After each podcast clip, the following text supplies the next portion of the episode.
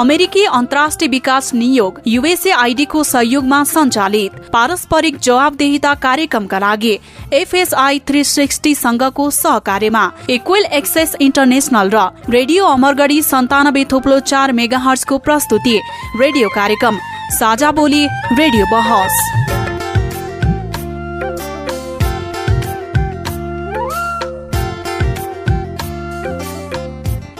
नमस्कार साझा बोली रेडियो बहसमा तपाईँलाई स्वागत छ म लोकेन्द्र ओझा।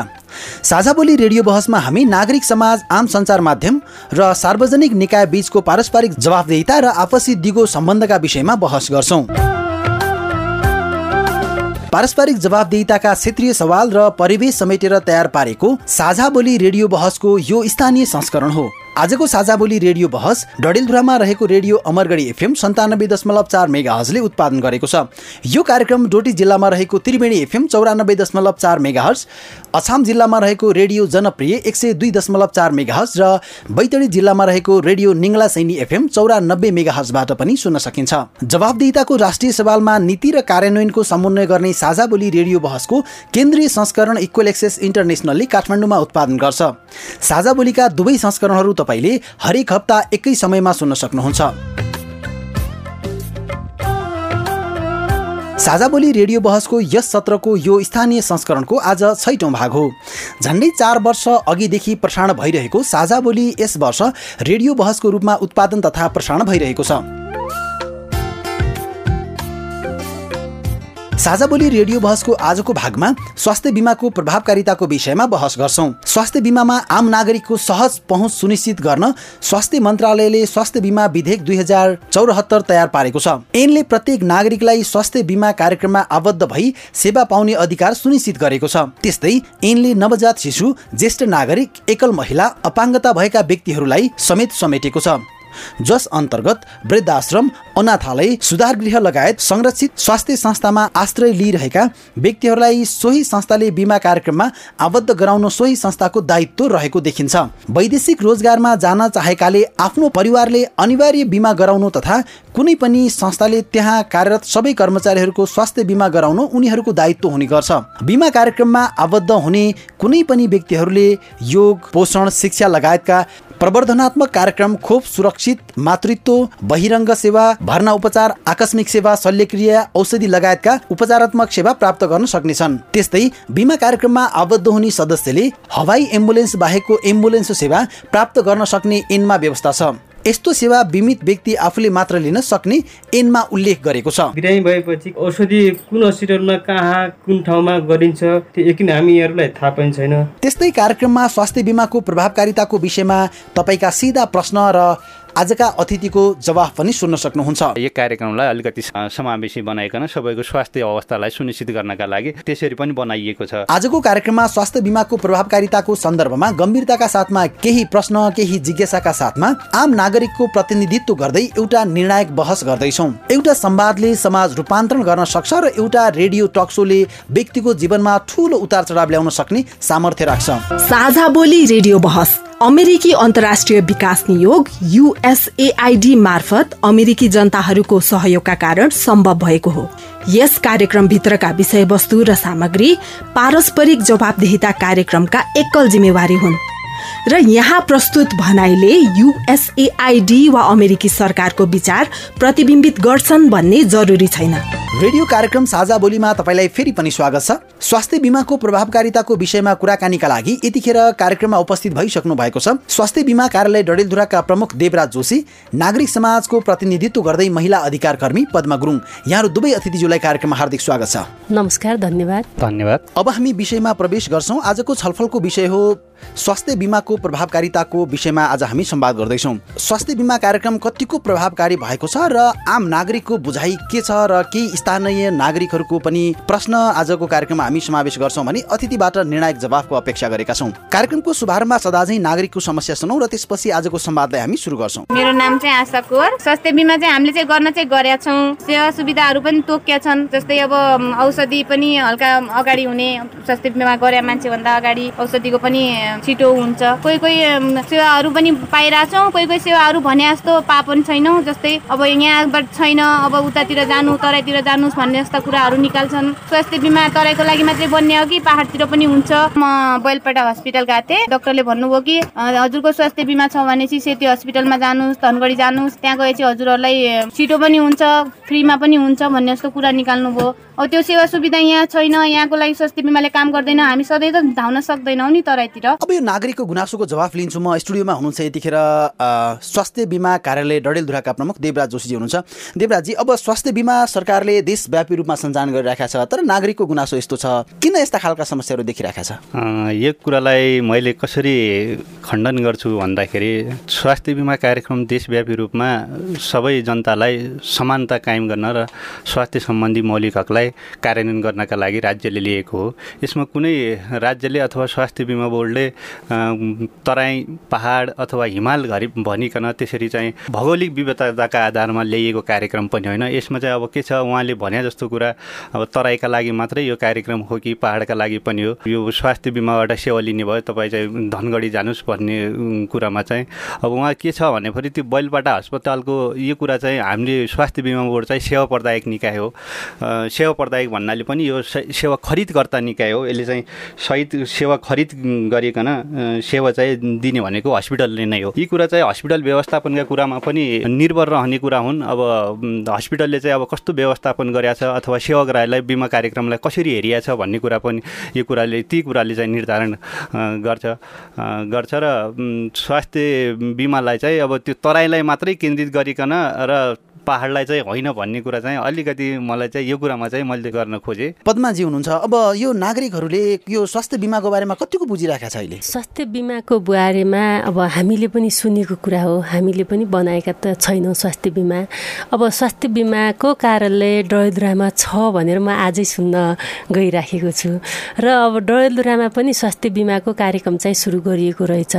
र अब स्वास्थ्य जति उहाँ हाम्रो सरकारको जुन योजना छ होइन स्वास्थ्यमा जति पनि नागरिकको पहुँचहरू बढाउने कुराहरू छ संविधानमा भएको व्यवस्था मौलिक अनुसार अगाडि लगिने कुरा छ। यसको प्रचार प्रसार कतै नभएको हो कि? होइन? अब हामीले यसो कुराहरू गर्दाखेरि ओडामा पनि स्टाफहरू छन् भन्ने कुराहरू पनि सुनियो। तर अब वास्तवमा जति स्वास्थ्यको प्रचार प्रसार हुनुपर्ने हो त्यो कुराहरू नभएको पाएको छ। देवराजी म अलिकति जुन यो विषय आयो तपाईँको कार्यालय छ भन्ने महिला अधिकार कर्मी तिमीले भन्नुभयो कि त्यो त्यति नै जानकारी पब्लिकसम्म चाहिँ आइपुगेको छैन। मैले आज जानकारी पाएँ भन्ने कुरा छ। तर यो कार्यक्रम रेकर्डकै क्रममा पनि हामीले स्वास्थ्य बिमाको कार्यालय खेल्दाखेरि तपाईँले आज भन्नुभयो यो ठाउँमा कार्यालय छ। किन चाहिँ यो अलिकति आम नागरिकसम्म पुग्नका लागि त्यो कार्यालय छ हामीले यो गर्दैछौँ भन्ने खालको यहाँले सञ्चालन गरिसक्नु भएको छैन? यो चाहिँ विधिवत रूपमै स्वास्थ्य राज्य मन्त्री नवराज रावतले दुई हजार छहत्तर साल फागुन बाइस गते चाहिँ यहाँ डणेलधुरामा सबै सङ्घ संस्था अनि कार्यालयका प्रमुखहरू सबैलाई निमन्त्रण गरिकन यो कार्यक्रम डणलधुरामा शुभारम्भ गरिएको हो। र यस कार्यक्रमका विषयमा भन्दा मैले भन्नुपर्दाखेरि अब के छ उहाँले भने जसो सबै सरोकारवाला निकाय सञ्चारकर्मी नागरिक अगुवाहरू उहाँ अनि जनप्रतिनिधिहरू उहाँले चाहिँ अहिले चासोको विषयमा चाहिँ राख्नुपर्ने। उहाँले चाहिँ अब के भन्दाखेरि प्रतिनिधि चाहिँ यहाँको जो छन् अग्रजहरू सबैलाई चाहिँ हामीले चाहिँ स्वास्थ्य बिमा विषयमा चाहिँ अभिमुखीकरण चाहिँ यो भएकै हो यो कार्यक्रम चाहिँ। जस्तो यो स्वास्थ्य बिमा कार्यक्रम चाहिँ कसरी आबद्ध हुन सकिन्छ अथवा कसरी आम नागरिकले सुविधा लिन्छन् यसको बारेमा अलिकति जानकारी गराइदिनुहोस् न। प्रत्येक वडामा एकजना दर्ता सहयोगी हुनुहुन्छ। उहाँले चाहिँ अब घर दैलो कार्यक्रम अथवा जनचेतना उहाँले चाहिँ गाउँ गाउँमा घर घरमा गइकन उहाँले चाहिँ स्वास्थ्य बिमा कार्यक्रमको विषयमा उहाँले चाहिँ भन्नुहुन्छ। अनि फेरि त्यो भनिसकेपछि उहाँले घरमा गइसकेन त्यो फर्म चाहिँ उहाँले भरेर मोबाइलमा फोटो लिएर उहाँले अब तोकिएको प्रथम स्वास्थ्य बिन्दु अथवा प्रथम स्वास्थ्य केन्द्र चाहिँ उहाँले रोजिकन त्यसरी चाहिँ उहाँले आबद्ध चाहिँ गराउनुहुन्छ। फेरि नागरिकको केही प्रतिक्रिया हामी लिन्छौँ। मेरो नाम गीता भण्डारी अनपा पाँच। स्वास्थ्य बिमा गर्नु त आउनु त आउनु भयो अस्ति म्याडम आउनु भयो तर यस्तो गर गर भन्थे मैले त खासै नबुझ्या हुनाले मैले गरेका छैन त्यो स्वास्थ्य बिमा। त्यो स्वास्थ्य बिमा कति रकमको के हो के गर्नुपर्छ त्यो थाहा छैन कि मलाई। डिटेलमा बुझ्नु पाएपछि राम्रो हुन्थ्यो। अब के भन्नुहुन्छ? जस्तो तपाईँको प्रतिनिधि पनि गयो तर उहाँहरूले पनि राम्रोसँग कन्भेन्स गर्न सक्नु भएको छैन यसमा के छ मैले भन्दाखेरि सर अलिकति यसलाई चाहिँ नागरिकले पनि चासोको रूपमा लिइदिँदाखेरि यो चाहिँ उहाँहरूले पनि सजिलो हुन्थ्यो अथवा उहाँले यसको विषयमा जानकारी नि पाउनुहुन्थ्यो। अब यो विषयमा चाहिँ अब हाम्रो यहाँ चाहिँ सञ्चारबाट चाहिँ त्यो प्रचार प्रसार चाहिँ नभएकै अवस्था हो। यहाँ चाहिँ हाम्रो अहिले कसो छ भन्दाखेरि अब त्यो मेन टु मेन अब मात्रै अथवा हामीले यो ब्राउसरहरू अब त्यो गरेर अब दर्ता सहयोगले त्यसरी नै उ गरेको छ। अब यो बिचमा चाहिँ हाम्रो यो डडेलधुरा जिल्लामा चाहिँ नहुन सक्नको एउटा ठुलो कारण चाहिँ ठ्याक्कै यहाँ चाहिँ स्वास्थ्य बिमा चाहिँ शुभारम्भ हुनु कोरोनाको आगमन हुनु। त्यसले गर्दाखेरि पनि अहिले चाहिँ हामीले खास चाहिँ अब जति हामीले अपेक्षा गरेका थियौँ जति मान्छेलाई अथवा जति नागरिकको घर दैलोमा हामीले यो स्वास्थ्य बिमा कार्यक्रम पुर्याउने करिब पाँच पर्सेन्ट चाहिँ हामीले सुरुकै वर्षमा पुर्याउने भन्ने लक्ष्य रहेको थियो। त्यो पाँच पर्सेन्ट चाहिँ हामी अहिले भर्खरै छ पर्सेन्ट चाहिँ हामीले अहिले आबद्ध गराउन हामी सफल भएका छौँ। कोरोनाको आगमनले गर्दाखेरि अलिकति हामीलाई चाहिँ केही कठिनाइ भएको हो। हामीले चाहिँ कसो कि जुन गतिमा अथवा जुन लक्ष्यका साथ यो कार्यक्रम ल्याइएको थियो त्यसमा चाहिँ हामीले नगराउन सकिएको। र अब उहाँले चाहिँ अब स्वास्थ्य बिमाका विषयमा जो भन्नुभयो कति हो के हो आउनु भएको थियो भने उहाँले चाहिँ अब कसो यहाँ चाहिँ अब कसो छ पब्लिकमा अलिकति अब यो जनचेतना अथवा उहाँ चाहिँ अब आफ्नो विषयमा चाहिँ सजग नभएको अवस्था पनि हो कि जस्तो मलाई लाग्छ। जब आफूलाई आइपर्दाखेरि मात्रै उहाँले स्वास्थ्य बिमा गरिदिनुहोस् भनेर चाहिँ आउने अनि त्यही बेला उहाँलाई चाहिँ स्वास्थ्य बिमा गरेकै बेला उहाँलाई चाहिँ सेवा चाहिएको अवस्था हुन्छ। त्यो चाहिँ हाम्रो यहाँ के छ भन्दाखेरि न्यूनतम एक महिना र बढीमा चार महिनाको चाहिँ त्यो ग्याप हुन्छ। स्वास्थ्य बिमा आबद्ध भइसकेपछि त्यो चाहिँ अब स्वास्थ्य बिमामा त्यो प्रोसेसिङ गर्न अथवा त्यसलाई प्रक्रियामा लैजान इन्ट्री गर्न अथवा फर्म कलेक्सन गर्न राजस्व चाहिँ बैङ्क दाखिला गर्न चाहिँ टाइम लाग्ने भएकोले त्यो चार महिना ग्याप हुन्छ।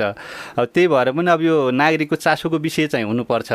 उहाँले अब चासो र भित्रैदेखि मलाई चाहिँ अब यो चाहिँ अब बिरामी अहिले नभए पनि अब घरको कुनै सदस्य बिरामी होला भनेर त्यसरी चाहिँ आफ्नो स्वास्थ्यलाई चाहिँ ख्याल गर्नुभयो भने यो चाहिँ अब अवश्य रूपमा उहाँले चाहिँ थाहा चाहिँ पाउनुहुन्थ्यो जस्तो लाग्छ मलाई। त्यसै गरी महिला अधिकार कर्मी पद्मा गुरुङजी हुनुहुन्छ। यो नागरिकहरूले यो प्रति चासो नै नदिएको हो कि जानकारी नपाएको हो कि स्वास्थ्य बिमा किन त्यति स्पिडमा चढ्न सकिरहेका छैन? प्रभावकारी हुन सकिरहेका छैन जस्तो लाग्छ यहाँलाई। नागरिकले जानकारी नै नपाएको जस्तो मलाई लाग्छ। उहाँको भनाइबाट पनि आइसक्यो कोरोना आयो त्यसपछि हामीले गर्न सकेनौँ भन्ने खालको छ।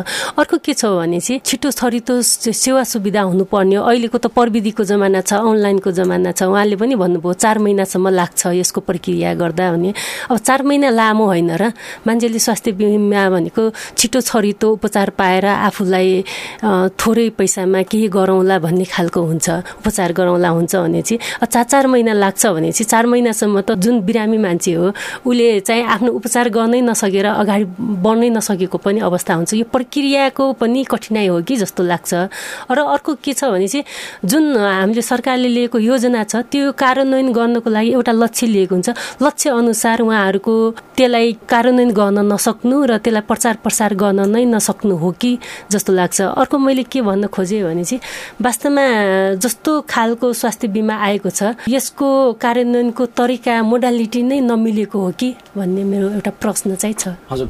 अब फेरि हामी नागरिकको प्रश्न लिन्छौँ। किशोरबाट अम्बरगढी पाँच। मैले स्वास्थ्य बिमा त गरेको छु तर कुनै पनि हस्पिटलमा उपचार गर्नलाई जाँदाखेरि यो त निशुल्क हो भने चाहिँ धेरै समय कुराउँछन्। त्यो औषधि लिने पनि यो औषधि हाम्रोमा छैन मेडिकलबाट किन्नु भन्छन्। यो कम गर्नलाई नेपाल सरकारले के पहल गरेको छ त? बिमा त गरियो तर बिमा गरे पनि सेवा प्रदायक निकायबाट चाहिँ सेवाग्राहीलाई सहज रूपमा चाहिँ सेवा पाइरहेका छैनन् भने किन बिमा गर्ने? यसमा चाहिँ के छ भन्दाखेरि सर हामी मैले सुरुमा पनि यो कुरा राखेँ स्वास्थ्य बिमा बोर्ड भनेको सेवा प्रदायक निकाय चाहिँ होइन। यो चाहिँ सेवा खरिदकर्ता हो सेवा दिने भनेकै त्यहीँको स्थानीय हस्पिटल अथवा त्यहाँ उपचार सम्भव भएन भने बाहिरको हस्पिटलले दिने कुरा हो।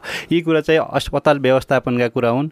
यो अस्पताल व्यवस्थापनलाई अब हामीले बेला बेलामा नियामक निकायको रूपमा हामी स्वास्थ्य कार्यालय लगायत हाम्रो बोर्डको टिमले चाहिँ अब अनुगमन गरेर हुन्छौँ त्यति बेला चाहिँ अब उहाँले चाहिँ हामी सेवा ठिकै छ भन्ने कुरा पनि हुन्छ। अब खास कुरा अब यसमा के छ सर? औषधिको कुरा गर्दाखेरि अलिकति यहाँ खरिद प्रक्रियामा चाहिँ समस्या छ। तिन महिनाभन्दा बढीको औषधि किन्न नपाइने अवस्था छ। जस्तो तपाईँले बिमा गर्नुहोस् तपाईँ स्वास्थ्य बिमा गर्नुहोस् हामीले चाहिँ झन्डै एघार सय तिस प्रकारका औषधिहरू पाइन्छ भन्ने खालको तपाईँले एउटा खालको ब्रान्डिङ दिनुभएको छ। तर उहाँले के भन्नुभयो भने म हस्पिटलमा गएँ तर उहाँले मलाई कुराउनु भयो टाइममा सुविधा पाएन भनेको छ। सेवा प्रदाय निकायसँग यहाँको समन्वय पनि नमिलेको हो कि? समन्वयको कुरा भन्दा पनि सर हाम्रो यो नागरिक चाहिँ के छ अलिकति बढी एक्सपेक्टेसन गर्ने। उहाँले बिमा गरेका छ भन्दै उहाँलाई छुट्टै सेवा दिने कुरा चाहिँ होइन। हस्पिटलले जुन सेवा प्रवाह गरिरहेछ उसै अनुसार सेवा दिने हो। हस्पिटलमा पनि अब अब त्यो उहाँले कसरी गुनासो गर्नुभयो त्यो चाहिँ मलाई अब त्यो कुरामा उहाँ नै जानकार हुनुहुन्छ होला। अब हस्पिटल हस्पिटलले अब उहाँलाई डक्टरले त्यत्तिकै बसिकन उहाँलाई कुराएर डक्टर त्यत्तिकै बस्ने कुरा त हुँदैन। अब त्यो अलिकति अस्वाभाविक कुरा गुनासो पनि हुन्छ जस्तो मलाई लाग्छ।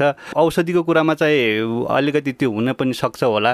नपाइया अवस्था पनि छ औषधिको। चाहिँ त्यो डक्टरले सेवा नै नदिने त्यत्तिकै बसिरहने भन्ने कुरा चाहिँ अलिकति त्यो चाहिँ अस्वाभाविक हो कि जस्तो मलाई लाग्छ। जुन तपाईँले गर्नुभएको बिमा छ स्वास्थ्य बिमा जुन यहाँले गर्नु भएको छ तपाईँ कहाँ यस्तो खालको गुनासो आउँछ कि आउँदैन कि? हामीलाई मात्रै रेकर्ड गराउनु भएको हो त उहाँहरूले। गुनासो चाहिँ हाम्रो पनि अब हस्पिटलमा आयौँ औषधि पाएनौँ बाहिर चाहिँ खरिद किन्नुहोस् भन्ने कुरा चाहिँ यी छन्। अब यसमा चाहिँ के छ भन्दाखेरि हामीले चाहिँ अब हस्पिटलसित कन्ट्र्याक्ट गर्ने हो उपचारका लागि बिमितको सबै उपचारका लागि सम्झौता गर्ने हो स्वास्थ्य बिमा बोर्डले।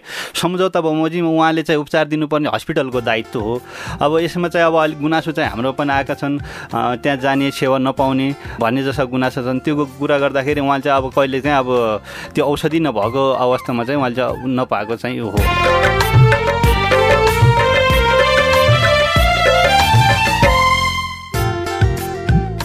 तपाईँ अहिले पारस्परिक जवाबदेहिता प्रवर्धनका लागि साझा बोली रेडियो बहस सुन्दै हुनुहुन्छ र हामी कुराकानी गर्दैछौँ स्वास्थ्य बिमाको प्रभावकारिता र यतिखेर हामीसँग कुराकानीको क्रममा हुनुहुन्छ स्वास्थ्य बिमा कार्यालय डडेलधुराका प्रमुख देवराज जोशीज्यू त्यसै गरी नागरिक समाजको प्रतिनिधित्व गर्दै महिला अधिकार कर्मी पद्मा गुरुङजी हुनुहुन्छ। हामी यतिखेर स्वास्थ्य बिमाको प्रभावकारिताको विषयमा चाहिँ कुराकानी गर्दैछौँ। यसको अझै पूर्ण रूपमा चाहिँ प्रभावकारी रूपमा चाहिँ कार्यान्वयन हुन सकिरहेको छैन अथवा नागरिकहरूका विभिन्न खालका गुनासाहरू छन् भन्ने विषयमा यतिखेर हामी संवाद गरिरहेका छौँ र यो कार्यक्रम तपाईँले रेडियो अमरगढ एफएम सन्तानब्बे थुप्लो चार मेघाज डडेलधुरा डोटी जिल्लामा रहेको त्रिवेणी एफएम चौरानब्बे दशमलव चार मेघाज असाम जिल्लामा रहेको रेडियो जनप्रिय एक सय दुई दशमलव चार मेघाज र बैतडी जिल्लामा रहेको रेडियो निङ्ला सैनी एफएम चौरानब्बे मेघाजबाट सुनिरहनु भएको छ। अब फेरि हामी विषयवस्तुमा प्रवेश गर्छौँ। स्वास्थ्य बिमाको प्रभावकारिताको विषयमा संवाद गरिरहेका छौँ। जस्तो यहाँको कार्यालयबाट भएका जुन सुविधाहरू छन् अथवा जुन यहाँले बिमा गरिरहनु भएको छ कति रकममा चाहिँ कतिको रिस्क कभर हुन्छ अलि यसलाई प्रश्न पारिदिनुहोस् न तपाईँले? स्वास्थ्य बिमामा एकदेखि पाँचजनासम्म यो परिवारमा आधारित कार्यक्रम हो। यसमा चाहिँ पाँचजना सदस्य बराबर पैँतिस सय रुपियाँ उहाँले पैसा योगदान रकम तिर्नुभयो भनेपछि एक लाख रुपियाँसम्म यसको न्यूनतम चाहिँ एक लाख रुपियाँ सेवा दिने सेवा प्रदायक निकायले अनि अधिकतम चाहिँ दुई लाख रुपियाँ यसको रहन्छ। अनि पाँचजनासम्म बराबर पैँतिस सय रुपियाँ र प्रत्येक एकजना सदस्य बढे बापत सात सयका दरले एकजना सदस्य र बढीमा दसजना सदस्यसम्म हुन्छ र सात सय बराबर उता चाहिँ सेवामा चाहिँ बिस हजार रुपियाँ चाहिँ बढ्ने हुन्छ। जस्तो यो स्वास्थ्य बिमा ऐन अथवा यसको नियमावलीमा प्रति व्यक्तिमा चाहिँ दस प्रतिशत छुट गरेर गर्ने प्रावधान छ। तर यो कार्यान्वयन चाहिँ भएको छैन। अब यो त भोलिको दिनमा राज्यले त रिटर्न दिन्छ होला किनकि कार्यविधिमा ऐनमै भइसकेपछि त नागरिकले पाउनुपर्ने पैसा हो। किन त्यो दस प्रतिशत चाहिँ छुट दिनु भएको छैन अथवा यो किन कार्यान्वयनमा हुन सकिरहेको छैन अहिले? यसमा के छ भन्दाखेरि सर यो अब अहिलेसम्म हामीलाई चाहिँ दस पर्सेन्ट छुट दिनु पर्यो भन्ने चाहिँ अब त्यसो सेवाग्राही नआएको अवस्था हो। नआएको भएको भएर पनि अब त्यो भएर पनि होला। होइन कार्यविधिले निर्देशिकाले भनिसकेपछि त सेवाग्राहीले सबैले बुझेका छन् भन्ने पनि होइन त्यो त तपाईँहरूले नै गर्नुपर्ने हो जिम्मेवारी होला नि यहाँ नै त्यो हाम्रो जिम्मेवारी भन्दा पनि सर त्यो कार्यान्वयनमा छैन अब त्यो नियमावलीको कुरा भन्दा पनि अब खास चाहिँ व्यवहारिक कुरा चाहिँ अलिकति बढी सर्फेसमा आउँछ कि जसो नि मलाई लाग्छ। पद्माजी जस्तो कार्यविधि र निर्देशिकाले पैँतिस सयमा चाहिँ दस प्रतिशत छुट गर्ने भन्ने चाहिँ ऐनले भन्छ अथवा कार्यविधिले भन्छ। तर कार्यान्वयन गर्ने निकाय अहिले उहाँ नै हुनुहुन्छ स्वास्थ्य बिमाको कार्यालय प्रमुखै हुनुहुन्छ होइन? उहाँले हामीले गरिराखेका छैनौँ नागरिकले भनेनन् भन्नुभयो। यसलाई कसरी लिनुभयो तपाईँले? जति पनि सरकारी योजनाहरू हुन्छन् एउटा नीतिको रूपमा कार्यविधिको रूपमा गाइडलाइनको रूपमा चाहिँ राम्रो आएको चाहिँ देखिन्छ। त्यसलाई कार्यान्वयनको पक्ष चाहिँ एकदमै फितलो छ। नीति बनाउनको लागि गाइडलाइन बनाउनको लागि एउटा देखाउनको लागि बनेको जस्तो मलाई महसुस भएको छ। जसले गर्दाखेरि जति पनि हामी हेल्थ इन्सुरेन्स सम्बन्धी त्यति जानकारी जति उहाँहरूको योजना छ जति स्किमहरू छ त्यसलाई चाहिँ एकदमै व्यापक रूपमा प्रचार प्रसार गरिनुपर्ने जस्तै स्वास्थ्य निकायसँग हेल्थ निकायसँग संस्थासँग एउटा एग्रिमेन्ट गरिएको हुन्छ। एग्रिमेन्टमा चाहिँ यति यति औषधिको लिस्ट चाहिँ दिने भन्ने कुराहरू हुन्छ। त्यो नागरिक र हेल्थ सर्भिस दिने निकायसँग अन्तर्क्रिया गराएको खै त? देवराजी जस्तो जुन कार्यविधि र निर्देशिकाले भनिसकेको छ यसलाई कार्यान्वयन तपाईँले अब गर्नुहुन्छ कि गर्नुहुन्न? जस्तो दस प्रतिशत छुट त यहाँलाई दिएको रहेछ अधिकार अथवा तपाईँ तपाईँ हो नि त त्यहाँको प्रमुख त। तपाईँले ल यो दस प्रतिशत तपाईँलाई छुट छ यो तपाईँ गरेको पैसा रिटर्न भयो है भनेर भन्न सक्ने कि नसक्ने अब? यस्तो छ सर त्यो चाहिँ हामीले कार्यान्वयन गर्नुभन्दा पनि त्यो माथिबाट जे निर्देशित छ हामीले त्यही कुरा गर्ने हो। माथिको निर्देशित छ दस प्रतिशत छुट गर्नुहोस् भन्ने छ तर किन भएन? तर अहिलेसम्म सर मैले भन्नु पर्दाखेरि अब त्यो अहिलेसम्म त्यस्तो चाहिँ आएको छैन सर सेवाग्राही चाहिँ मैले चाहिँ सेवा लिएकै छ। होइन सेवाग्राहीलाई जानकारी हुँदैन। जस्तो तपाईँले अहिले पैँतिस सयमा दसजनाको बिमा गरिदिन्छु अथवा दुईजनाको गरिदिन्छु भने पनि उनीहरूले दुईजनाकै गर्ने हो। किनकि त्यसको सम्बन्धित निकाय भनेको त तपाईँ नै हो नि। अब दस प्रतिशत छुट गर्नुहोस् भनेर चाहिँ कार्यविधिले भन्छ अथवा निर्देशिकाले ऐनले भन्छ भने यसलाई कार्यान्वयन गर्न किन जटिलता छ यहाँहरूलाई? होइन जटिलता चाहिँ होइन सर। मैले भनिहालेँ हजुरलाई चाहिँ त्यस्तो सेवाग्राही नै आउनु भएको छैन। आएको खण्डमा चाहिँ उहाँलाई चाहिँ दस पर्सेन्ट चाहिँ छुट चाहिँ हुन्छ सर यो चाहिँ। भनेको अब त अब दिन सकिन्छ। अहिलेसम्म पनि त्यो थियो सर होइन। त्यो नियमावली भएको कुरा किनकि हामीले त्यसैलाई आधार मानेर हामीले कहाँ सेवा प्रवाह गर्ने हो। त्यसो मान्छे चाहिँ हामीलाई चाहिँ अब त्यो भएको छैन। हामीलाई चाहिँ दस पर्सेन्ट छुट चाहियो भन्ने चाहिँ आएको छैन। त्यो आएको खण्डमा चाहिँ उहाँलाई चाहिँ दस पर्सेन्ट चाहिँ छुट नै दिने हो सर। हस् यो एउटा चाहिँ यहाँले एउटा निर्णायक जवाफ नै दिनुभयो। आगामी दिनमा चाहिँ यहाँले जुन सेवाग्राही बिमा गर्न आउनेहरू छन् भने उहाँहरूले दस प्रतिशत छुट पाउने भए भन्ने कुरा चाहिँ राख्नुभएको छ अब फेरि म नागरिकको केही प्रश्न अथवा केही जिज्ञासा लिन्छु। मेरो नाम कुलबहादुर बुढा सानाबा तिन अछाम। अहिलेसम्म स्वास्थ्य बिमा गरेको त छैन तर केही कुरा सुने अनुसार बिरामी भएपछि औषधि कुन हस्पिटलमा कहाँ कुन ठाउँमा गरिन्छ त्यो यकिन हामीहरूलाई थाहा पनि छैन। तर यस सम्बन्धी सरकार र स्थानीय सरकारले हामीहरूलाई केही सुझाव सल्लाह दिएको पनि छैन। त्यस्तो सरकारी कार्यालय सँगसँगै यहाँले स्थानीय सरकारसँग कसरी समन्वय गराउनु भएको छ? उहाँहरूले अलिकति कोर्डिनेसन गरिदिनु भएको छैन भन्ने प्रश्नमा के जवाफ दिनुहुन्छ? यसमा के छ सर हामीले काम गर्ने भनेकै स्थानीय निकायसित कोर्डिनेसनको समन्वय गरेर काम गर्ने हो। हामीले सुरुमै यो कार्यक्रम सुरुवात गर्दाखेरि हामीले सबै वडाका जनप्रतिनिधि कार्यपालिका सदस्य सबैलाई चाहिँ अभिमुखण गराएर यो कार्यक्रम चाहिँ हामीले अब विभिन्न गाउँपालिका अथवा नगरपालिकामा जाँदाखेरि पनि उहाँकै उपस्थितिमा हामीले यो कार्यक्रम सञ्चालन गर्ने गरे हुन्छौँ अथवा ओरिएन्टेसनहरू अभिमुखीकरण लगायतका कार्यक्रमहरू अनि उहाँकै उसमा गर्ने हो।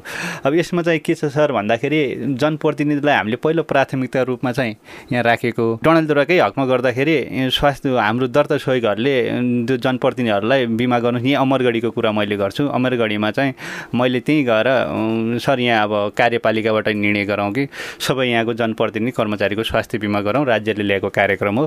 किनकि अब यो राष्ट्रिय सेवक कर्मचारीलाई त स्वास्थ्य बिमा बोर्डमा नै अब अनिवार्य गर्नुपर्ने भन्ने कुरा पनि छ। यो चाहिँ गरौँ भने उहाँले कार्यपालिकाबाट निर्णय चाहिँ हामी गराउन सक्दैनौँ। र भन्ने कुरा चाहिँ यहीँ नगर प्रमुखले चाहिँ गर्नुपर्छ। अरू किन नसकिने भन्दाखेरि न अब कसैले चाहिँ हामीले बिरामी नै हुँदैनौँ। किन बिमा गर्ने? हाम्रो पैँतिस सय त्यसै जान्छ भन्ने कुरा चाहिँ अलिक गैर जिम्मेवार कुरा यहाँको जनप्रतिनिधि छन्। त्यसै गरी नागरिक समाजको प्रतिनिधित्व गर्दै महिला अधिकार कर्मी पदमा जिउनुहुन्छ। अब जस्तो जनप्रतिनिधि भनेको त नागरिकहरूको एउटा लिड गर्ने संस्था हो र तपाईँहरू जस्ता महिला अधिकार कर्मी अथवा महिलाको क्षेत्रमा निरन्तर लामो समयदेखि यहाँले वकालत गर्दै पनि आउनु भएको छ। यो भनेको साझा सवाल हो किनकि नागरिक समाज आम सञ्चार माध्यम र सेवा प्रदायक निकायहरूको समन्वयमा यस्ता विकास निर्माणका गतिविधिहरू सञ्चालन गर्नुपर्छ र स्थानीय सवाललाई हामी क्षेत्रीय सवाल अथवा केही राष्ट्रिय सवालका विषयमा पनि कुरा गर्छौँ। बिमा भनेको त एउटा राष्ट्रिय विषयवस्तु पनि हो। किन चाहिँ जनप्रतिनिधिहरू महिला अधिकार कर्मीहरू अथवा नागरिक प्रतिनिधिहरू यसमा अलिकति सक्रिय भएर लाग्न सकिरहेका छैन अब मैले अघि पनि भनिसकेँ वास्तवमा जनप्रतिनिधिहरू नागरिक समाज महिला अधिकार कर्मीहरू सबै सक्रिय भएर लाग्नुपर्ने हो। वास्तवमा स्वास्थ्य बिमाको महत्त्व के हो? भन्ने स्वास्थ्य बिमा किन चाहिन्छ भन्ने महसुस नै नभएको हो। वास्तवमा यो महसुसीकरण चाहिँ गराउनुपर्छ। अब मैले अघि पनि भनिसकेका छौँ जति पनि कार्यविधिहरू हुन्छन् त्यसलाई चाहिँ कार्यान्वयन गर्न एकदमै हामीले योजनापूर्ण जानुपर्दछ प्लानपूर्ण जानुपर्दछ र त्यसलाई चाहिँ एकदमै सबैको माझमा लगिनुपर्छ। र अब यहाँ धेरै कुराहरू हाम्रो बनेका हुन्छन् त्यो बनेको कुराहरू कमिसनको खेलमा चाहिँ अगाडि गइरहेको हुन्छ र सबैले त्यो थाहा पाएको हुँदैन भने चाहिँ अब जबसम्म त्यो जनताले या त्यहाँ स्टेक होल्डरले त्यसको महत्त्व त्यसको पारदर्शिता सम्बन्धी त्यसको उद्देश्य सम्बन्धी थाहा हुँदैन र वास्तवमा यो नबुझेकै कारणले गर्दाखेरि यस्तो भएको हो जस्तो लाग्छ। पुनः हामी नागरिकको प्रश्न लिन्छौँ। मेरो नाम मन्जु चोखाल अमरगढी चार। स्वास्थ्य बिमा भनेको के हो? यसको फाइदाहरू के के हुन्छन्? त्यसको बारेमा बुझ्न पाएपछि सजिलो हुन्थ्यो। अनि यो कतिसम्मको रकमले यो स्वास्थ्य बिमा गर्न सक्यो यसको बारेमा जानकारी लिन पाऊ। अब यो त मोटामोटी छलफल भइसकेको छ पुनः नागरिकको प्रश्न आएको छ। जस्तो कतिसम्मको रकम लाग्छ? के के सुविधा पाउँछ? कति औषधि पाउँछ? कहाँ गएर बिमा गर्ने? प्रत्येक वडामा एकजना दर्ता सहयोगी साथीहरू हुनुहुन्छ। उहाँले चाहिँ आफ्नो वडामा आफ्नो टेरिटोरीभित्र उहाँले चाहिँ त्यो बिमा सम्बन्धी जनचेतना फैलाउने उहाँलाई बिमाका विषयमा जानकारी गराउने दायित्व चाहिँ दर्ता सहयोगी साथीहरूको हो। उहाँले चाहिँ अब त्यहाँ गइसकेपछि उहाँले चाहिँ पाँचजना परिवार बराबर पैँतिस सय रुपियाँ र प्रत्येक थप सदस्य बराबर सात सयको रुपियाँ दरले योगदान रकम थप हुँदै जान्छ र उता चाहिँ सेवामा चाहिँ बिस हजार रुपियाँ बढी हुने हो। अहिले पछिल्लो समयमा कतिको चाहिँ आकर्षण बढिरहेको छ त यो? यो सुरुवातको स्टेजमा भन्दा अहिले चाहिँ आकर्षण राम्रो छ सर। किनकि यो ग्रेजुअली अहिले ग्रेडिङ छ ग्राफमा हेर्दाखेरि सुरुवातमा हामीले चाहिँ यहाँ बिमा सुरुवात हुँदाखेरि हामीले यहाँ योगदान रकम जम्मा हामीले अस्सी हजार पाँच सय मात्रै सङ्कलन गर्न सम्भव भएका छौँ दुई हजार छहत्तर सतहत्तरमा। र अहिले करिब हामीले यही बिमाबाटै करिब एकतिस सय बत्तिस सय जना ज्येष्ठ नागरिकलाई चाहिँ यसमा समावेश गराएका छौँ र सात सय तेत्तिस घर परिवार यो जसले चाहिँ योगदान रकम बिहोर्न सक्नुहुन्छ। सात सय तेत्तिस परिवार चाहिँ उहाँ र अनि महिला स्वयंसेविकाको हकमा चाहिँ दुई सय छहत्तरजना उहाँको हकमा चाहिँ पचास पर्सेन्ट चाहिँ यो स्वास्थ्य बिमा बोर्डले नै बिहोर्ने उहाँलाई यसलाई यो कार्यक्रमलाई अलिकति समावेशी बनाउनलाई सबै वर्ग क्षेत्र जातलाई समावेशी बनाइकन सबैको स्वास्थ्य अवस्थालाई सुनिश्चित गर्नका लागि त्यसरी पनि बनाइएको छ। अब जसरी ज्येष्ठ नागरिकलाई चाहिँ नि शुल्क हुन्छ अपाङ्गलाई भइहाल्यो। यो एमडिआरटिबी एचआइभी ल्याप्रोसी लगायत अति गरिब विपन्नलाई पनि यो कार्यक्रममा चाहिँ समावेशी यसलाई समावेशी बनाउनका लागि यो कार्यक्रम यो चाहिँ ल्याइएको छ। त्यसै गरी पद्माजी हुनुहुन्छ। अब यसको ऐनले चाहिँ नवजात शिशु ज्येष्ठ नागरिक एकल महिला अपाङ्गता भएका व्यक्तिहरूलाई समेटेको चाहिँ जस्तो देखिन्छ र जस अन्तर्गत वृद्धाश्रममा अथवा अनाथालय सुधार गृह लगायतका संरक्षित स्वास्थ्य संस्थाहरूमा पनि जुन आश्रय लिएका व्यक्तिहरू छन् सोही संस्थाले चाहिँ त्यसको बिमा चाहिँ आबद्ध गराउनु पर्ने संस्थाको दायित्व हुनेछ भन्ने छ। यो किन हाम्रो जिल्लामा चाहिँ कार्यान्वयन हुन सकिरहेको छैन? जस्तो सेफ हाउस छ अथवा चाहिँ अन्य यस्ता खालका जुन पहिला चाहिँ बाल अनाथालय थियो।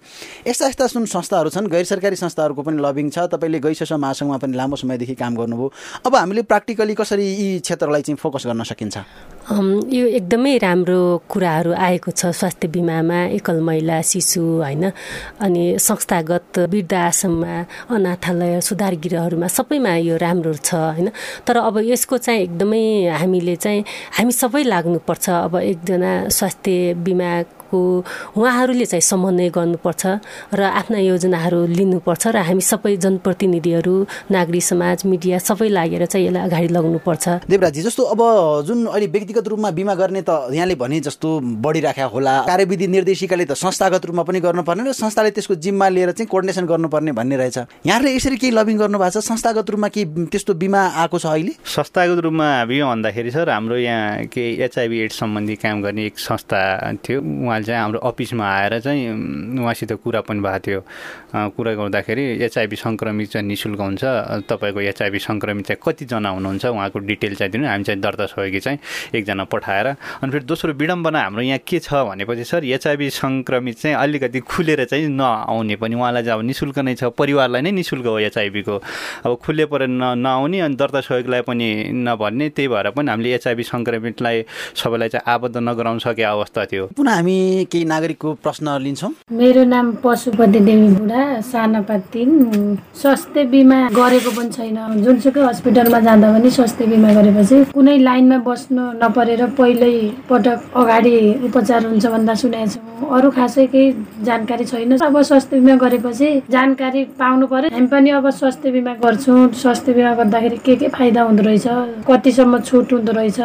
भन्ने कुरामा पछि जानकारी पाउनु पर्दा उहाँ चाहिँ साफे बगर नगरपालिका अछामबाट चाहिँ प्रश्न रेकर्ड गराउनु भएको थियो। जस्तो अरू बिरामीभन्दा अगाडि गएर चेक जाँच गर्न पाउने हो कि त्यही लाइनमा बस्ने हो कि त्यो टिकट लगेर जाने हो कि टिकट काट्ने हो कि होइन कि कति पैसा तिर्ने हो अझै अन्यलमा छन् नागरिकहरू। यसमा यो छ सर मैले भन्नुपर्दा यो एकै राज्यले मात्रै यो प्रचार प्रसार मात्रै एक यसको निकास चाहिँ होइन जस्तो मलाई लाग्छ। किनकि अछाममा त यो कार्यक्रम सुरुवातमै दुई हजार त्रिहत्तर सालमै लागू भएको कार्यक्रम हो। यसका लागि यो सञ्चार माध्यमबाटले पनि आफ्नो भूमिका निर्वाह गरि नै राख्नु भएको छ। तर सबैले भूमिका निर्वाह गर्दा गर्दा यदि जसले सेवा लिने मान्छेले चासो देखाएन भने त्यो जतिसुकै गर्दा पनि त्यो सम्भव हुँदैन जस्तो मलाई लाग्छ। फेरि यो एकल प्रयासबाट नि सम्भव हुने कुरा पनि होइन। जसलाई आवश्यक छ आवश्यक भएको मान्छेले अलिकति चासो र उत्सुकताका साथ मलाई बिमा चाहिएको छ भनेर उहाँले चाहिँ अब सेवा बिमा पाइन्छ अनि बिमाबाट कसरी सेवा पाइन्छ भने उहाँले चाहिँ अनभिज्ञ छु भन्नुभयो। तर त्यसका लागि उहाँले चासो राख्नुभयो अथवा सम्बन्धित निकायमा अथवा प्रत्येक वडामा अहिले त के छ भनेपछि धेरै अब त्यो एकदमै जटिलता पनि छैन प्रत्येक वडामा एकजना कर्मचारी पनि हुनुहुन्छ।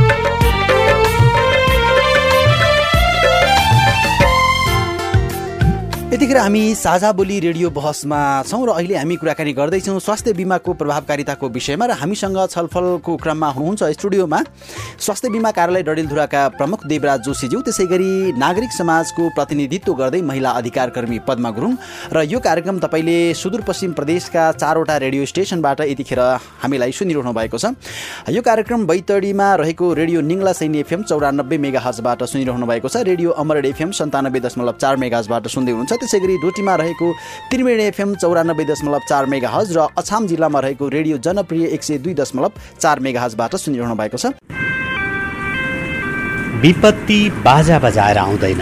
गर्मीमा आगलागी डढेलो वर्षामा बाढी पहिरो भूकम्प कोरोना र अरू पनि।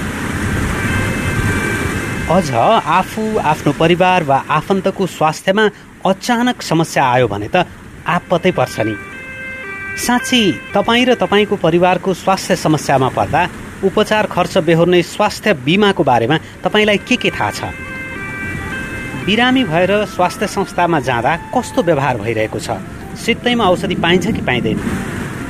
अनि निजी स्वास्थ्य संस्थाको व्यवहार तपाईँलाई कस्तो लाग्छ नि? छलफल गरौँ समस्याको हल खोजौँ प्रश्नको जवाब मागौँ।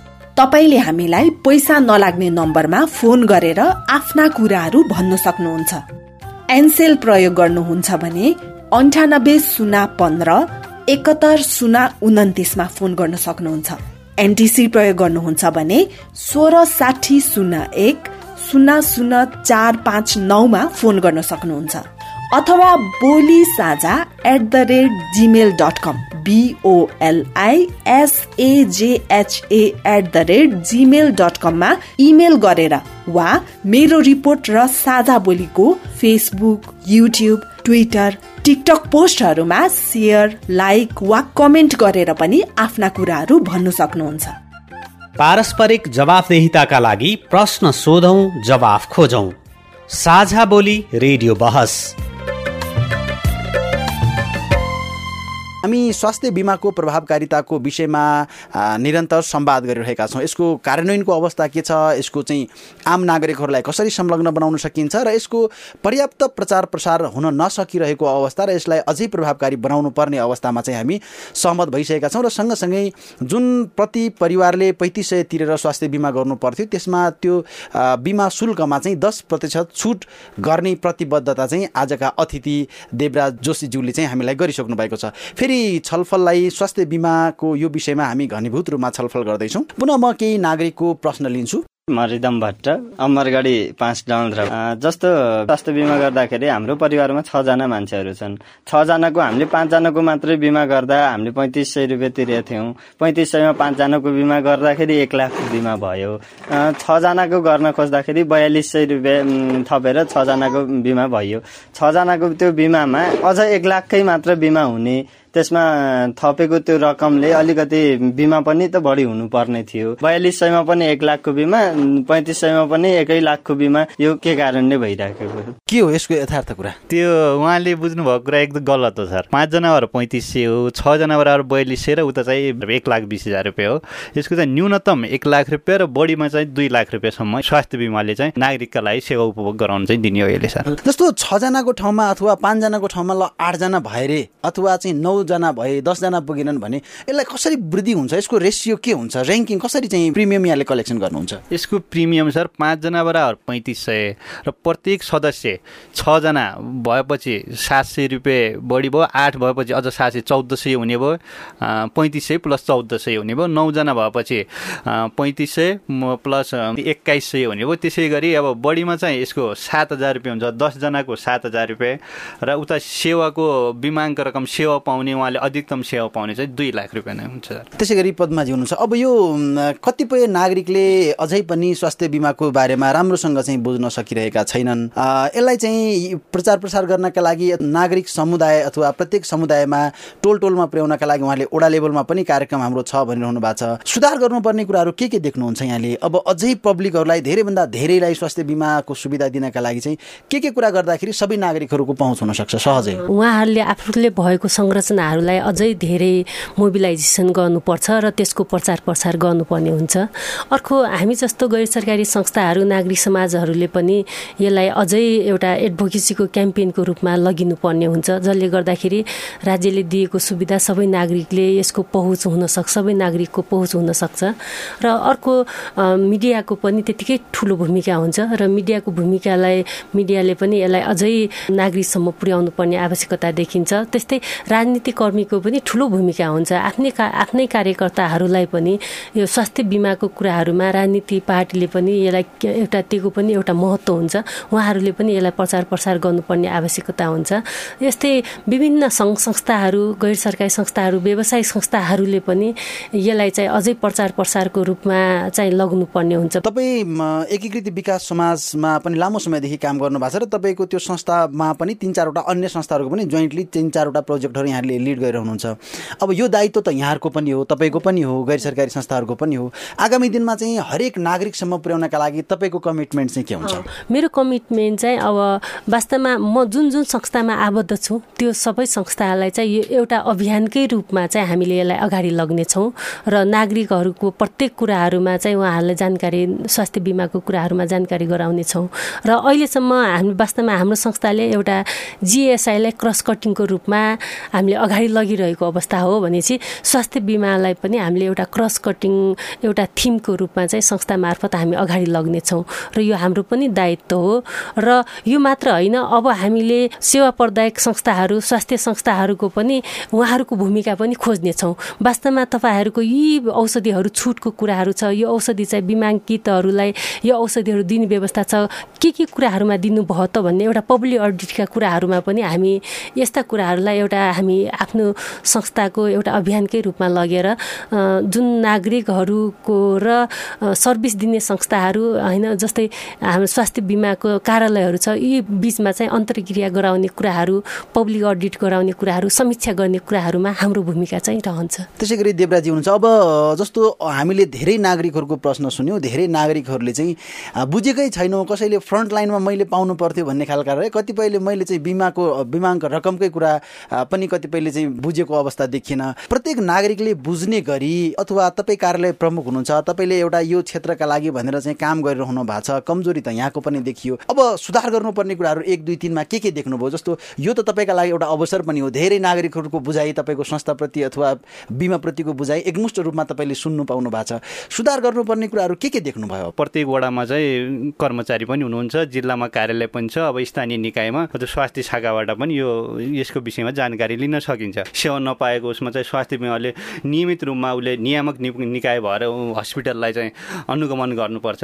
अनि फेरि हस्पिटल अथवा स्वास्थ्य निकायमा अब त्यो दरबन्दी अनुसार डक्टर नभएको अवस्था पनि धेरै ठाउँमा छ। त्यसका लागि अब स्वास्थ्य बिमाले आफ्नै प्रयासबाट भए पनि स्वास्थ्य कर्मीहरू चाहिँ त्यहाँ व्यवस्था गर्नुपर्छ मलाई जस्तो लाग्छ। यसका विषयमा चाहिँ केही त्यसो सडक नाटक अथवा केही त्यस्तो बनाइकन यो चाहिँ गर्नुपर्छ जस्तो मलाई लाग्छ। हामी कार्यक्रमको लगभग अन्ततिर छौँ। हामीसँग श्रोताहरूको प्रश्न जिज्ञासा छ फेरि हामी सुन्छौँ। मेरो नाम रोशन कोर साहबाग नगरपालिका वडा नम्बर तिन। अब हस्पिटल जाँदाखेरि उपचार चेक गर्दाखेरि अब स्वास्थ्य बिमाको कार्ड देखाउनु पर्ने भन्छन्। अब देखाए पनि यहाँ पाइन्न औषधि यहाँ छैन त्यो सुविधा दिएको छैन भन्छन्। तर प्राइभेट हस्पिटलमा जानु भन्छन्। अब गभर्मेन्ट हस्पिटलमा नै त्यसको सुविधा छैन भने प्राइभेट हस्पिटलमा चाहिँ अब हामीले कसरी त्यसको सुविधा पाउने त अनि? स्वास्थ्य बिमा गरेर हाम्रो लाभ चाहिँ के त अनि? जुन लाभको कारणले जुन लाभको आशको कारणले हामी स्वास्थ्य बिमा कार्यक्रम अन्तर्गत एट्र्याक्सन हुन्छ नि आकर्षण भइरहन्छ हुन्छ नि मान्छेहरू। त त्यस्तो सेवा नै दिएको छैन भनेपछि अब हामीले कसरी स्वास्थ्य बिमाको बारेमा साँचो हो कि गलत भने थाहा पाउने? स्वास्थ्य कर्मीले अब छैनै प्राइभेट हस्पिटलमा जानु भनिसकेपछि त अब स्वास्थ्य बिमा गरेको अर्थ पनि लाग्दैन हामीलाई त। साँच्चीकै उहाँले एकदम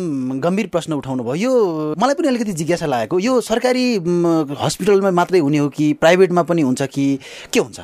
यसमा चाहिँ पहिलो रूपमा चाहिँ सरकारी अस्पतालमा नै हो सर। अब त्यसमा केही प्राइभेट हस्पिटलबाट पनि यो सेवा प्रवाह भइरहेछ। तर प्राइभेट हस्पिटलको हकमा भन्दाखेरि अब सामान्य चेक जाँच चाहिँ अब प्रथम सेवा बिन्दु चाहिँ प्राइभेट हस्पिटल तोक्न पाउनुहुन्न।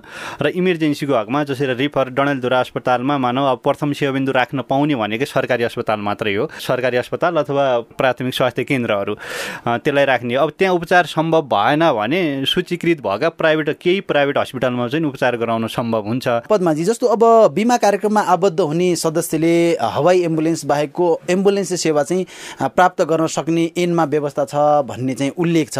नागरिकहरूले त औषधि नै पाएका छैनन् तर एम्बुलेन्स नै पाउँछन् भनेर चाहिँ कसरी आशावादी हुन सकेला? यसलाई चाहिँ वास्तवमा भन्यो भने चाहिँ एम्बुलेन्स सर्भिस चाहिँ अब हाम्रो स्वास्थ्य बिमाले दिँदो रहेछ होइन? यो चाहिँ एकदमै राम्रो व्यवस्था हो। जब सेवा प्रदाय निकायले आफ्नो कर्तव्यहरू बुझ्दैनन् सेवा खरिद गर्ने निकायले लगानी कतातिर गइरहेको छ भन्ने त्यसको एउटा समीक्षा गरिँदैन। यो अवस्था यस्तो नै भइरहन्छ।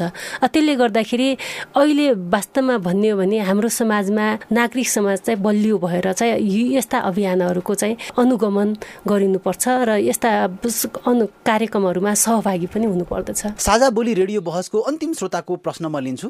मेरो नाम सुनिता देवल हो सानो चाहिँ मैले चाहिँ गरेको छु अनि मेरो फ्यामिलीले पनि सबैले गर्नुभएको छ। स्वास्थ्य बिमा राम्रो छ सुविधा धेरै छ भनेर हल्ला आइरहेछ होइन? भनिर पनि रहेछन् तर व्यवहारमा चाहिँ हुँदैन। जस्तै उदाहरणको लागि बैलपाटा हस्पिटलमा जान्छु भने जस्तो औषधि हामीले पाउँदैनौँ अनि अर्को हस्पिटलमा जानुहोस् भन्नुहुन्छ डक्टरहरूले अनि अर्को हस्पिटलमा गएपछि हामीलाई त्यो सुविधा हुँदैन।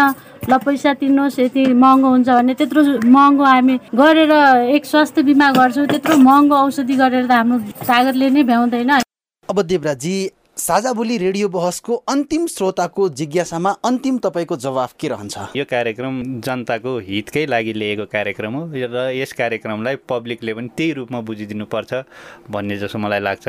अनि दोस्रो कुरा यो कार्यक्रममा अलिकति प्रभावकारितामा केही जटिलता रहेको पनि अब गुनासो अब उम्, सेवाग्राहीले सेवा नपाएको अवस्था उहाँले अब खोजे जस्तो औषधि पनि नभएको भन्ने गुनासो सुन्न पाइयो। यी गुनासा चाहिँ कस्तो छ भन्दा साँच्चीकै प्रक्रिया झन्झटिलो नै हो। नागरिकले सेवा लिनका लागि अलिकति झन्झटिलो भएको हो अथवा सहज रूपमा चाहिँ सेवा प्रदायक निकायले दिनुपर्छ अथवा समन्वयको पाटो कहीँ कतै छुटेको छ भन्ने लाग्दैन? होइन यो सेवा लिने प्रक्रिया एकदम सरल छ सर। किन भन्दाखेरि अब उहाँले चाहिँ यो कार्यक्रम टोटल्ली आइटी बेस हो। उहाँलाई चाहिँ अब सेवा लिँदाखेरि कार्ड लगेर हस्पिटलमा जाँदाखेरि तुरुन्तै सेवा पाइन्छ। जस्तो तपाईँको कार्यालयमा यस्तो बिमा गरेको तर पूर्ण रूपमा सेटिस्फाई भएको नागरिकहरू आउँछन् कि आउँदैन? अथवा उहाँहरूले निरन्तर रूपमा सेवा लिइरहनु भएको छ? कस्तो छ? रेकर्डले के भन्छ? कुनै पनि अब अब सेवामा सबै सेटिस्फाई चाहिँ बनाउनु पर्ने खास चाहिँ त्यो संस्थाको दायित्व चाहिँ हो। अब त्यो त्यो गर्दा गर्दै आफूले त्यो दायित्व निर्वाह गर्दा गर्दै अब चाहिँ कोही चाहिँ अब असन्तुष्टि चाहिँ होलान्। अब यहाँ चाहिँ अब कोही चाहिँ अब धेरै जसो चाहिँ अब सेवा पाएकै छौँ ठिकै छ एभरेज भन्ने कुरा पनि गरेर हुन्छन् कसैले चाहिँ हामीले सेवा के पनि पाएनौँ यो पाएनौँ भन्ने कुरा हुन्छ। अनि दोस्रो कुरा यसमा के छ सर? सेवाग्राही चाहिँ अनि जहाँ सेवा पाइने सेवा पाउने ठाउँमा नगइकन उहाँ चाहिँ अर्को अर्को ठाउँमा गइकन त्यसरी भए पनि उहाँ चाहिँ अलिकति बाटो बिराएर पनि उहाँले त्यो समस्या पनि सिर्जना भएको पनि धेरै ठाउँ सुनिएको छ। अनि हस्पिटलमा चाहिँ अब त्यहाँ सेवा बिमाबाट सेवा लिने ठाउँ भन्ने एउटा राखिएको हुन्छ उहाँ चाहिँ अर्को ठाउँमा गएर उहाँ चाहिँ मलाई चाहिँ बिमाबाट सेवा दिनु पर्यो अँ, भन्ने अनि सुरुमा यहाँ छ यहाँ होइन त पल्लो जानु अब त्यो अब झर्किने अब नागरिकको स्वभाव त्यो मान्छे अनुसार नै मान्छेको नेचर चाहिँ फरक नै हुने हो। तर अब त्यति झन्झटिलो चाहिँ छैन अब औषधि चाहिँ अलिकति नपाएको समस्या चाहिँ हो सर त्यो चाहिँ। अब हामी कार्यक्रमको निकै अन्तमा पुगिसकेका छौँ। अन्तमा जस्तो अब अहिलेसम्म भएको छलफलको एउटा निचोडमा पुग्ने हो भने अझै सुधार गर्नुपर्ने क्षेत्र चाहिँ देखिएको छ। धेरै नागरिकहरूले गुनासो गरे। हुन त यो प्र्याक्टिकली नयाँ व्यवस्था पनि भएकोले पनि होला। यसमा चाहिँ कतिको यहाँले चाहिँ विश्वस्त हुनुहुन्छ कि अब चाहिँ सुधार हुन्छ अथवा म मेरो नेतृत्वले डडेलद्राबाट चाहिँ यसलाई अझै राम्रो प्रभावकारी बनाउँछु भन्नेमा चाहिँ आम नागरिकहरूलाई कतिको आशावादी हुन सक्छन् यो संवादबाट? म चाहिँ सर यहाँ डणेलधरामा कार्यरत रहन्जेलसम्म मसँग त भएको टोटल्ली इफोर्ट म प्रयोग गरिकन जति सके पनि यसलाई प्रभावकारी बनाउने सबैसित कोअर्डिनेसन भयो भनेपछि यो कार्यक्रम कार्यक्रम चाहिँ प्रभावकारी बनाउन त्यति धेरै चुनौती चाहिँ छैन जसो मलाई लाग्छ सर। पद्माजी अब तपाईँले तत्कालै यहाँले स्वास्थ्य बिमाको प्रभावकारिताका लागि चाहिँ के के पहल गर्नुहुन्छ? वास्तवमा अब स्वास्थ्य बिमाको पनि हामीले एउटा क्याम्पेनिङ गर्नुपर्छ भन्ने खालको एउटा अभियानका साथ हामी लाग्नेछौँ। यसको लागि हामीले गर्ने क्रियाकलापहरू अब थुप्रै हुनेछन्। ती क्रियाकलापहरूमा यहाँहरूसँग हामीले समन्वय सहकार्य गरेर अगाडि बढ्नेछौँ। र साथसाथै जुन राज्यले गरेको लगानी छ त्यसलाई सदुपयोग गर्नको लागि। र जुन सर्भिस दिने निकायहरू छ सेवा दिने निकायहरू छ उहाँहरूले दिएको सेवाहरू हाम्रो नागरिकले पाएको छ कि छैन भन्ने कुराहरूको कुराहरूमा पनि हामी एउटा विश्लेषण गरिनेछ। आम सञ्चार माध्यमको क्षेत्रबाट पनि निरन्तर रूपमा स्वास्थ्य बिमालाई उच्च प्राथमिकताका साथमा हाम्रा प्रसारणहरू सामग्रीहरूमा हाम्रा रेडियो प्रोग्रामहरूमा रेडियोले उत्पादन गर्ने विभिन्न रिपोर्टहरूमा हामी राख्छौँ नै। तर जुन तपाईँले आज स्टुडियोमा आएर एउटा चाहिँ प्रतिबद्धता के व्यक्त गर्नुभयो भने यसलाई अझै सुधार गर्नका लागि मेरो फुल इफोर्ट रहनेछ भन्ने एउटा प्रतिबद्धता र अर्को त्यो प्रिमियम कलेक्सन गर्दाखेरि नागरिकले जुन दस प्रतिशत छुट पाएका छैनन् त्यो म अब चाहिँ कार्यान्वयन गर्न सक्छु अथवा गर्छु भन्ने जुन प्रतिबद्धता व्यक्त गर्नुभएको छ। यसको लागि म तपाईँलाई पनि धेरै धेरै धन्यवाद दिन्छु। हस् धन्यवाद सर। तपाईँ जस्तो सञ्चारकर्मीको पनि यो स्वास्थ्य बिमालाई चाहिँ प्रत्येक जनताको घर दैलोमा पुर्याउनको लागि एकदमै अहम भूमिका रहन्छ भन्ने कुरा पनि त्यसप्रति हामी आशावादी छौँ। हस् धन्यवाद। धन्यवाद सर। यहाँलाई पनि धन्यवाद। धन्यवाद।